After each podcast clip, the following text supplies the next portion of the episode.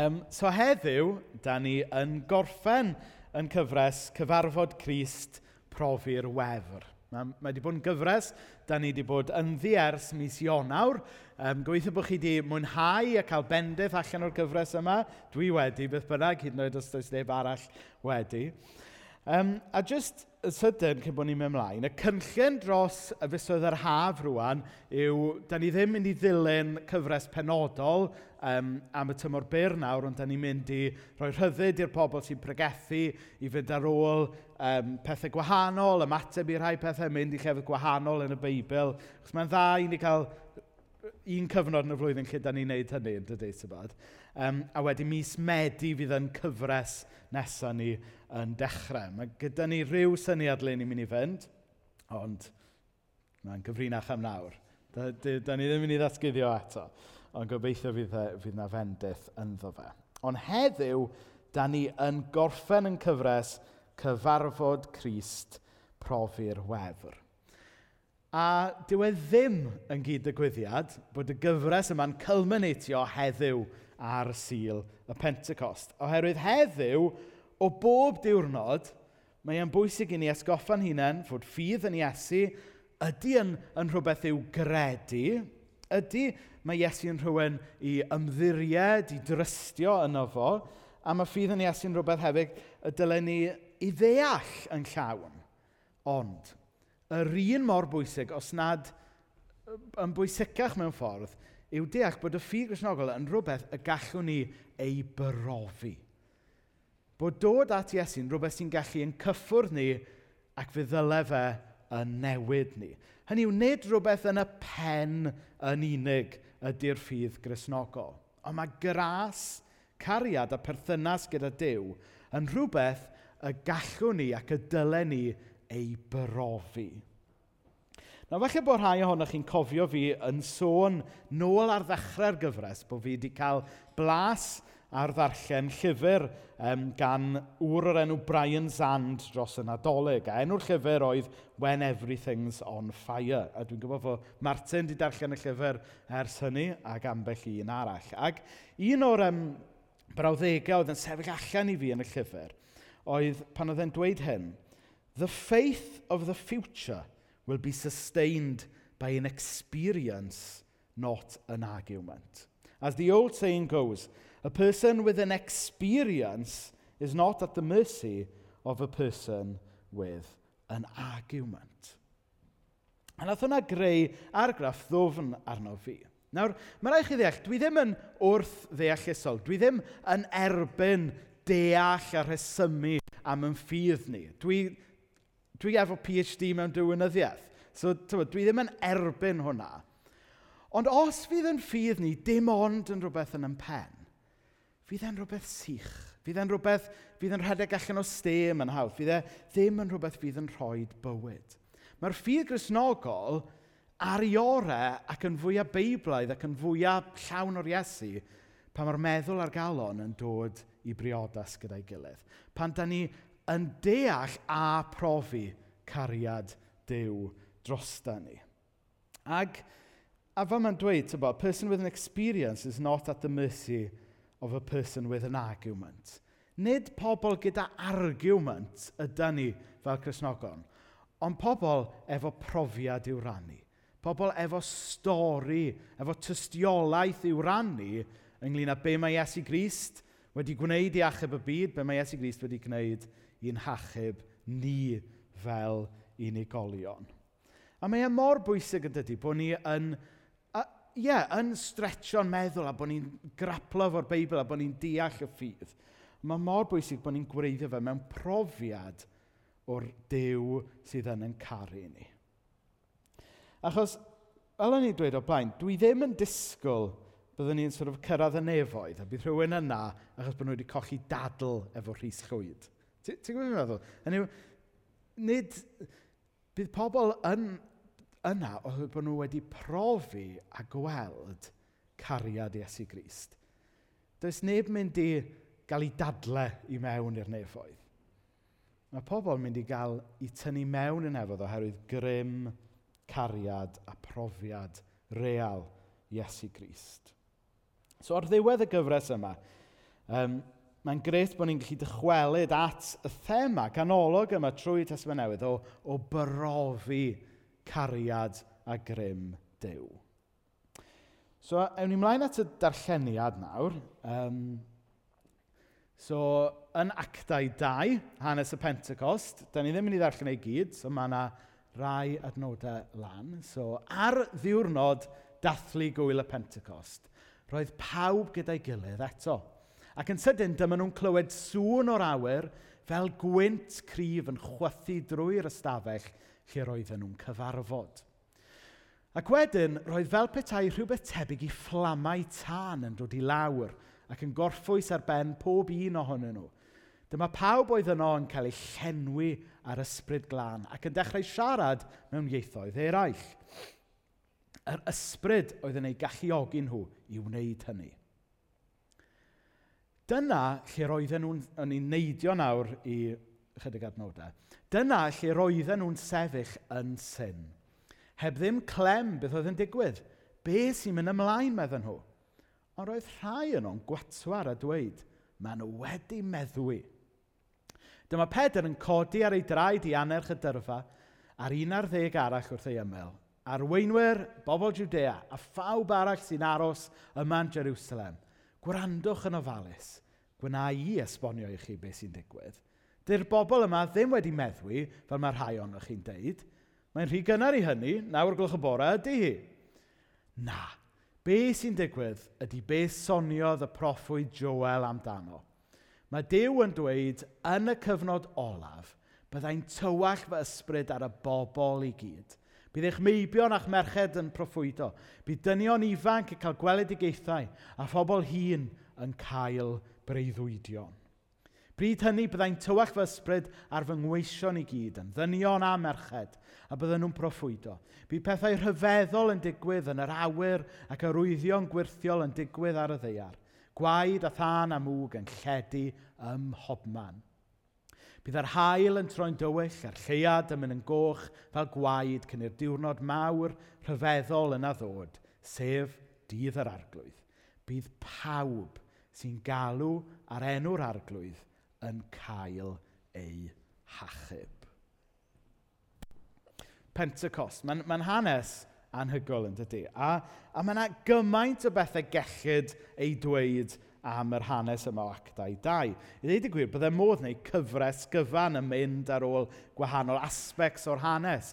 Os dwi'n cofio ar Sil y Pentecost llynedd, oedd John Robinson yn pregethu yma, a nath e fynd ar ôl yr, yr rhan lle mae'n sôn bod pawb yn clywed yr yfengil yn ei iaith nhw i hunain. Rhan anhygol o bwysig o'r hanes. Byddai modd mynd ar ôl y reality yma fod fod Pentecost yw'r diwrnod lle mae'r efengil yn mynd o fod yn rhywbeth mewn lle penodol i bobl penodol i fod yn rhywbeth i bawb ym mhobman. Byddai'n modd mynd ar ôl be mae'r hanes yn dweud ynglyn â bod yr ysbryd glân yn rhoi doniau proffwydo, yn rhoi breddwydion i bobl, i fechgyn a merched, caeth a rhydd, hen ac ifanc. Mae yna jyst gymaint gellid ei dweud, ond dwi jyst efo 20 minutes. So, be dwi'n mynd i ganolbwyntio arno bore yma, um, ydy rhywbeth sy'n cloi yn cyfres ni, cyfarfod Crist profi'r wefr, a edrych ar lle yr ysbryd glân yn rhoi profiad i ni o gariad Crist.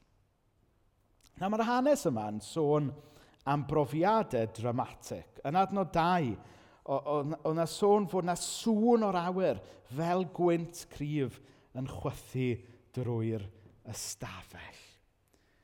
Nawr, dim jyst rhywbeth bach yw hwnna, na. Mae'r ma, disgrifiad yna fod na wynt, dwi'n gwybod os da chi wedi bod, Wel, mae'n mae mae'n wedi bod yn flwyddyn wyntog yn do. Chi'n meddwl, fatha, pryd mae'r haf yn dod? Chi'n meddwl, o, oh, mae'n ddiwrnod braf. Chi'n camu allan y drws a mae'n just gwynt hyd yn oed a ddiwrnod braf. Mae'n, so, da ni'n gyd yn gwybod lenni be ydy gwynt. Ond mae gwynt yn rhywbeth da chi'n ei brofi, da chi'n ei deimlo ar eich, ar eich gwyneb. Ac um, a oedd pobl yn amlwg wedi profi rhywbeth mor ddwfn ag intens ar y Pentecost a oedd pobl wedi cael ei effeithio, wedi cael ei newid hyd yn oed, nes fod pobl yn meddwl bod nhw wedi meddwi. Nawr, mae'n siŵr bod chi gyd... ddim bod fi dweud, mae'n siŵr bod chi gyd wedi meddwi, ond da ni gyd yn ymwybodol o'r effaith mae gorfod yn gallu cael ar rhywun. Newn ni'n rhoi ni roi e fel yna. Ni mae e'n newid rhywun, ydy? Mae, mae pobl yn bihafio mewn ffordd wahanol. Mae, mae ei weld yn amlwg um, yn ymddygiad rhywun. Felly mae'r ffaith bod pobl falle, oce, okay, oedden nhw yn gwatwar, ond mae'n amlwg fod yr, y gyffelybiaeth yn, yn amlwg fod pobl wedi cael ei newid. Mae yna rhywbeth gwahanol am ei ymddygiad nhw ar ôl i'r ysbryd glân ddod i lawr arnyn nhw.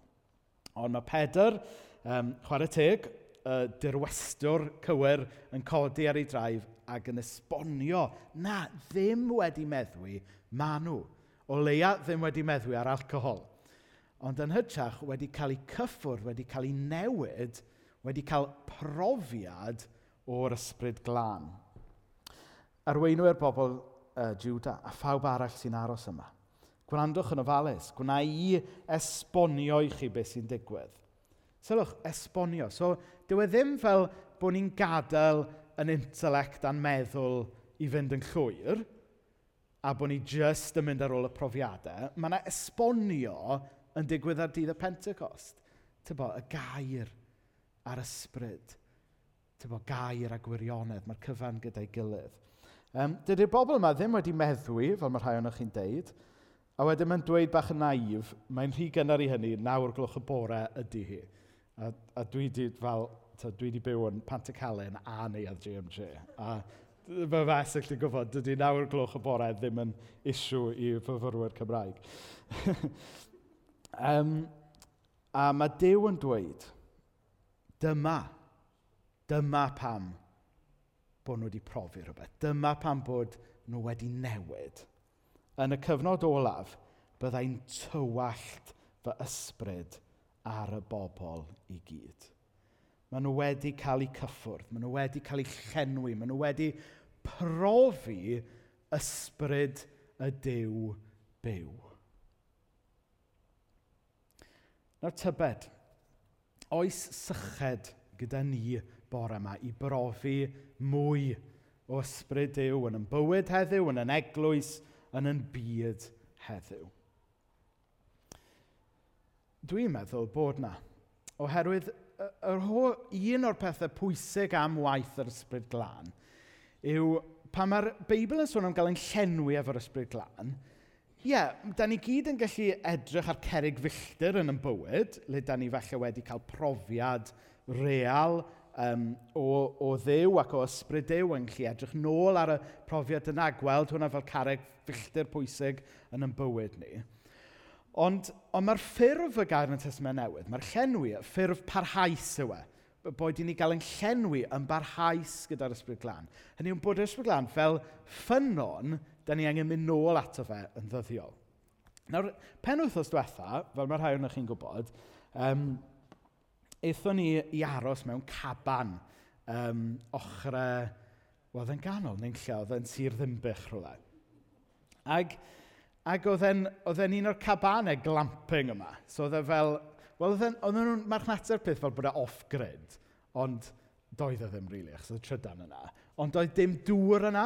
So, so bob so, cwpl o weithiau'r dydd, oedd yna sync na, ond oedd y sync yn cael, cael ei fel ffido o fel um, tank, ti'n bod?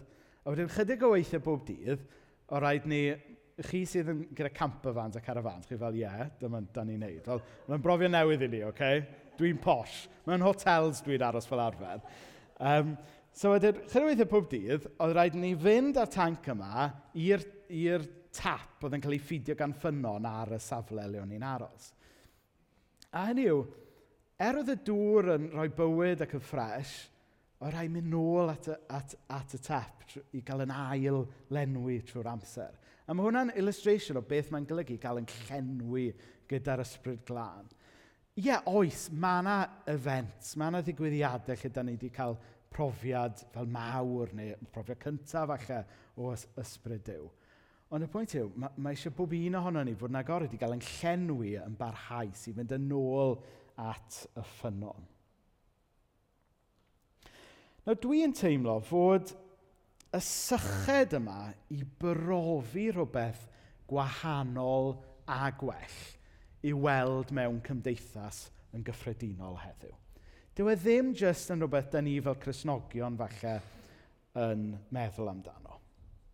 Ac, um, ac ar yn gwyliau ni wrthos hyn, oedd yna ddau beth, ddau stori nath illustratio hyn i fi. So'r cyntaf, um, nos ferchar, um, ath mena fi heb y bechgyn i fan ceinion i weld Liam Gallagher yn perfformio. So nath nain y tai dod fyny gofalu ar ôl yr hogia am noson, a fe eithon ni i Manceinion i weld Liam Gallagher. Uh, Liam Gallagher, i chi ddim yn gwybod, oedd frontman Oasis yn o'n band mawr yn y 90au, so cyfnod pan o'n i'n dod i oed.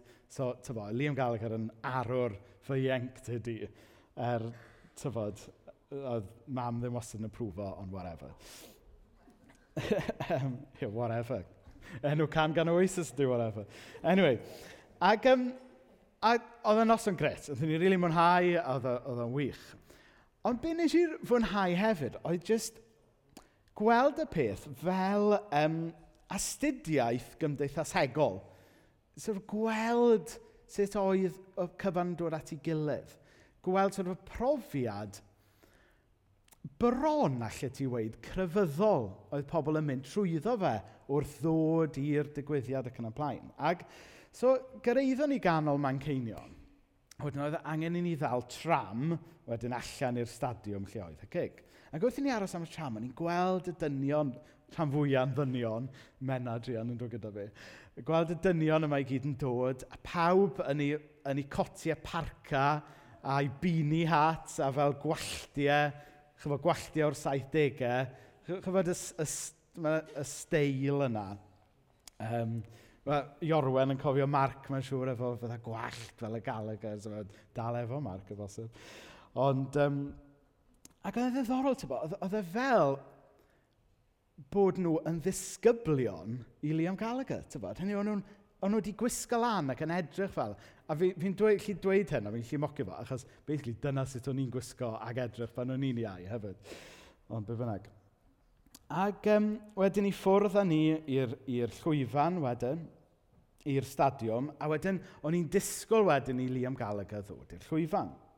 A jyst gen iddo fe ddod i'r llwyfan, oedd na um, gerddoriaeth um, tybo, byddarol yn dod trwy'r uh, system sain, a wedyn lluniau o Liam Gallagher trwy'r oesoedd. Tybo. So llunio fe'n fachgen bach yn tyfu fyny yn Manceinion, wedyn llunio honno fe'n dechrau dod yn enwog ac yn y blaen.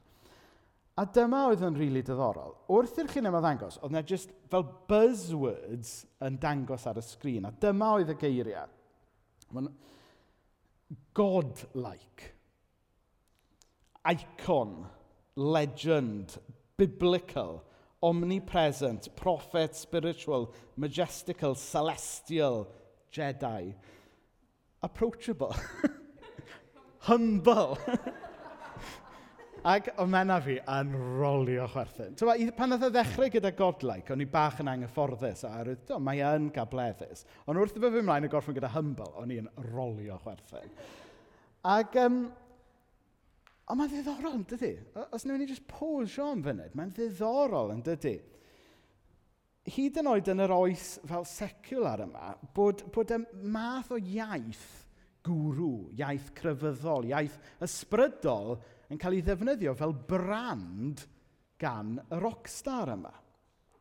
Ac wrth i nos yn fynd ymlaen, dyma fe'n gwawrio arno fi, a dwi ddim yn deud hwn mewn ffordd judgmental, achos o'n i yna'n mwynhau efo pawb arall, ti'n gwybod, Ond oedd e'n eitha diddorol bod yr holl brofiad o fynd i'r noson yma, pawb yn mynd fel disgyblion wedi gwisgo fel iarwr, mynd i'r stadiwn yma oedd yn teimlo bach fel teml. Yr, yr ieithwedd yma, oedd e'n brofiad crefyddol bron, chybod? Ac a dyna lle oedden ni gyd yn morio canu yr hen ganeuon o'n i'n gwybod o'r 90au, Wonderwall, Stand By Me a'r cyneuon yma, mae Jan yn gwybod. Bach o Oasis fan fan hyn, fi'n meddwl. A feiddiau awgrymu bod morio'r hen gyneuon Oasis yma, oedd yn teimlo bach fel morio canu ymynau mewn gêm rygbi neu rhywbeth. So, yna rhyw brofiad sort of semau crefyddol amdano fe. Ond, be nath, be nath daro fi tu a diwedd y cyngerdd oedd, oedd e'n rhywbeth o brofiad le oedd pobl am noson o leiaf yn gallu dianc o reality bob dydd i rhywbeth gwahanol. Rhywbeth oedd nhw'n meddwl oedd falle'n rhywbeth, rhywbeth uwch, rhywbeth fwy authentic, rhywbeth fwy ysbrydol. I ddweud gwir, mae un o... Am noson o leiaf, oedd pobl yn gallu llyncu nostalgia Achos dyna beth sy'n tu ôl hyn i gyd. Dyna beth sy'n tu ôl y ffaith bod pobl yn mynd i weld hen rockstars, ydy nostalgia. Oedden nhw'n gallu anhofio am bwysau gwaith, falle. Oedden nhw'n gallu anhofio am dyledion, yn gallu anhofio am salwch, gallu anhofio am Boris Johnson, falle. Ac yn gallu dianc yn ôl i ddiniweidrwydd i ieuenctid, falle. Ac mae un o cyneuon Oasis gyda'r llinell yma, In my mind, my dreams are real, and tonight I'm a rock and roll star. Ac yn amlwg, oedd pawb oedd yn y gynulleidfa'n teimlo, fydda am heno, dwi'n gallu dianc o reality bywyd i rhywbeth arall. A dwi'n meddwl bod hwnna'n arwydd bod pawb yn chwilio am rhywbeth i ddianc. Mae pobl yn chwilio i gael ei hachub o just reality bywyd pob dydd. Mae pobl a syched i brofi mwy na just rhythm mundane bywyd pob dydd. Mae pobl yn chwilio i projectio'i gobaith ar rhywun arall. Ac, um, a chybod, mae rhai pobl yn neud hynna hyd yn oed i Liam Gallagher. Nawr y bore wedyn, oedd hi'n fore braf bore dydd iau, A chybod, pan mae rhai o'n chi sydd efo plant yn gwybod, pan ydych chi'n cael yr eiliadau pryn yna heb blant, ydych chi'n trio fatha stretcho fo allan fach, tywod. Fydda, so ni'n meddwl, so ni'n deffro bore dau, da ni'n mynd i fynd syth nôl i Ganarfon neu, ni am dro bach gyda. Hewn ni am dro bach, ie. Yeah. So, so eithon ni am dro bach rownd, rownd mae'n ceinion y bore wedyn cyn mynd syth nôl i Ganarfon. Ac uh, un o beth o'n i eisiau gwneud oedd mynd i siop y dillad seiclo raffa. So, i chi sy'n seiclo, fi'n gweld Rodri'n gwenu ac yn chwerthin, ond i chi sydd ddim yn, yn seiclo, um, y ffordd gorau o ddisgrifio raffa yw bod e fel apel y byd seiclo. Hynny yw, maen nhw'n cynhyrchu a gwerthu dillad high-end, drud a pretentious. Dyna ffordd gorau o, o ddisgrifio fe. Ac, um, a fel defnyddwyr Apple, mae, mae gan seiclist sy'n gwisgo dy raffa, mae, mae fe bach fel cult, bod, mae, a maen nhw'n rhywbeth hanner addoli uh, prifweithredwr y, y cwmni, a pan mae fe'n siarad, mae'n swndio mwy fel spiritual guru na, na dyn busnes. Ond wrth gwrs yn glyfar iawn, dyn busnes clyfar yw e, sydd wedi dysgu gwerthu i nwyddau fel tas fe'n life enhancing math o beth. A tra o'n i'n edrych rownd y siop a sylwi fysa ni byth yn ffitio mewn i'r lycra o'n nhw'n gwerthu yna, um, nath menna um, sylwi ar, ar um, bwster oedd ar y wal yn y siop. A dyma oedd e'n dweud ar y poster. It's never just a ride. It's much more than that. It's a personal thing, a social thing. Proof that we can do anything – It's a lifelong pursuit of a fleeting moment, of a silence and balance, of a momentum and progression. Some days you feel it, some days you don't. But whenever you get there, it's always worth it. It's seeing the early sunrise, cresting the first climb. It's the sweat on your skin and the wind on your face. It's a remedy. It's a clarity, the best version of you It's friendship, discovery, and community too. It's a place, it's a race, and it's somewhere to hide. It's your team, it's your routine, and it's never just a ride.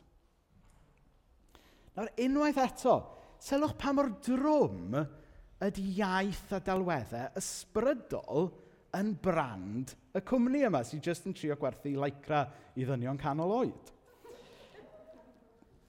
Mae'n ddiddorol, dydy? Tasach chi jyst yn swopio allan ambell i air o beth dwi'n newydd allan, tasach chi bron yn meddwl mai fel rhywbeth o mission statement rhyw trendy church yma.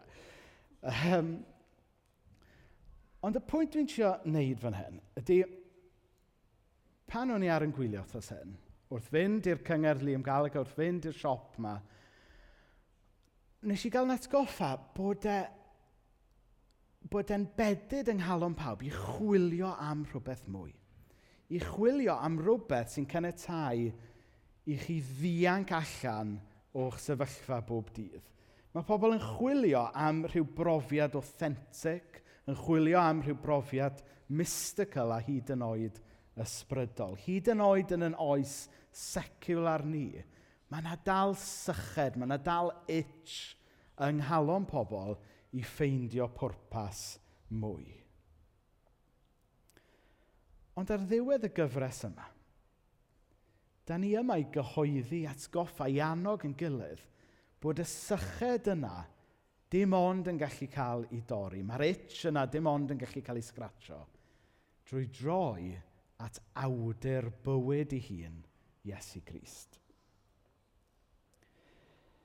Dim ond wrth ddod at Iesu, mae'n breuddwydio ni yn gallu dod yn wir. Fel canodd Liam Gallagher, in my mind, my dreams are real.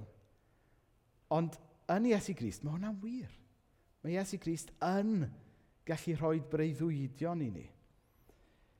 Mae Iesu Grist yn gallu rhoi heddwch dofn i ni. Mae e yn gallu clirio cydwybod.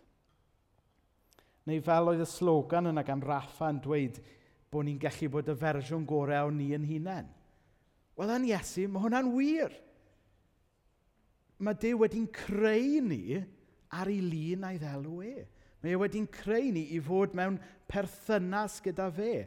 A'r fersiwn gorau o ni yn hunain ydy fersiwn sy'n cael yn tynnu nôl i'n bwriad gwreiddiol. I adnabod Dyw i fyw bywyd yn ei addoli fe ar bob lefel. A newyddion da ar ddydd y Pentecost yw fod y gwahoddiad yma nawr yn agored i bawb. Yn adnod 17, um, mae, mae Dyw yn dweud, yn y cyfnod olaf byddai'n tywech ffysbryd ar y bobl i gyd wedyn ymlaen yn adnod 21, bydd pawb sy'n galw ar enw'r arglwydd yn cael ei hachub. Pawb. Dyw Iesu ddim yn gwrthod neb sy'n troi ato fe. Ond y peth ydy, fel lot o bethau, i gael yn hachub, mae rhaid ni ddechrau gydnabod bod ni angen cael yn hachub, yn does, tybod. Um, Ta'r un bydd am mynd at y doctor, ynddo fe? Hynny Tyfod, sy'n pwynt i chi fynd at y doctor, a doctor yn gofyn, beth sy'n bod gyda chi? Dim byd! Tyfod, y, y cam cyntaf i adael y doctor helpu chi yw dweud y doctor beth sy'n bod, yn dyfa. Ac yn mwyn i ni dderbyn yr achubiaeth, mae eisiau ni ddod i'r lle yna, lle da ni'n sylwi bod ni angen cael yn hachub. Nos fercher yn y gig, welais i sawl dyn canol oed oedd angen cael ei hachub o'i midlife crisis. Ond o ddifri, i ni gyd yn gwybod deep down bod ni angen cael yn hachub ohono ni yn hunain. I ni angen cael yn hachub o'r byd yma sy'n llawn poen, sy'n llawn siom yn llawer rhy aml. A'r gair mae'r Beibl yn disgrifio'r hyn ni angen cael yn hachub ohono fe yw. Pechod. A mae pechod yn dangos ei hun ar sawl lefel. Mae pechod yn, yn dangos ei hun ar lefel fawr yn yr anghyfiawnder a'r strwythurau anghyfiawn sydd yn y byd yma. Ond mae pechod hefyd yn agos at adra hefyd, yn dydy. Da ni gyd yn gwybod deep down bod pechod a lle yn yn calonau a'n meddwl ni wrth i ni dorri addewidion, wrth i ni dorri perthnasau, wrth i ni dorri calon. Ond yn fwyaf difrifol wrth i ni dorri yn perthynas efo Dyw i hun, wrth i ni roi pethau heblaw am Ddyw yng nghanol yn calon ni. Ond, y newyddion da yw fod Pentecost yn atgoffa ni fod yr ysbryd glân yn cael ei ddanfon ac felly fod pawb sy'n galw ar ddew mynd i gael i hachub. Mae yna wahoddiad heddiw i ni gyfarfod Crist a profi ei wefr. Profi'r wefr o gael yn hachub, wrth i ni gyffesu yn beia a'n pechodau, byddwn ni'n neud yna mewn munud wrth i ni droi at swper yr arglwydd. Ond mae yna wahoddiad hefyd i ni brofi y wefr o ffeindio pwrpas newydd i'n bywyd ni. Chos dyna sy'n hyfryd ynglyn â Dyw. Mae, e, mae e'n maddau ni ac yn derbyn ni jyst fel i ni, ond dyw e ddim yn gadael ni fel i ni. Mae e wedyn yn rhoi pwrpas a cyfeiriad newydd i'n bywyd ni. Ond mae yna hefyd wahoddiad ni brofi'r wefr o dderbyn pwer yr ysbryd glan. Does dim rhaid i ni fyw yn erth ni yn hunain bellach. A diolch byth am hynny. Achos, chyfo, pan da ni'n trio reslo trwy bywyd, yn nerth ni yn hunain. Dwi'n mynd gwneud amdano chi, ond dwi'n blino. Dwi'n mynd yn frustrated. Dwi'n mynd yn flin. Mae eisiau ni adl fynd ar yn hunain a gadw i bwer yr ysbryd glân lifo trwyddo ni. Newyddion da yw fod y dew ddath fel dyn yn Iesu Grist hefyd wedi dod fel ysbryd ar ddydd y Pentecost. A mae'r dew yna yn gwahodd pob un ohono ni i agor y meddyliau, i agor yn calonau, i ni gyd gyfarfod Crist a profi ei.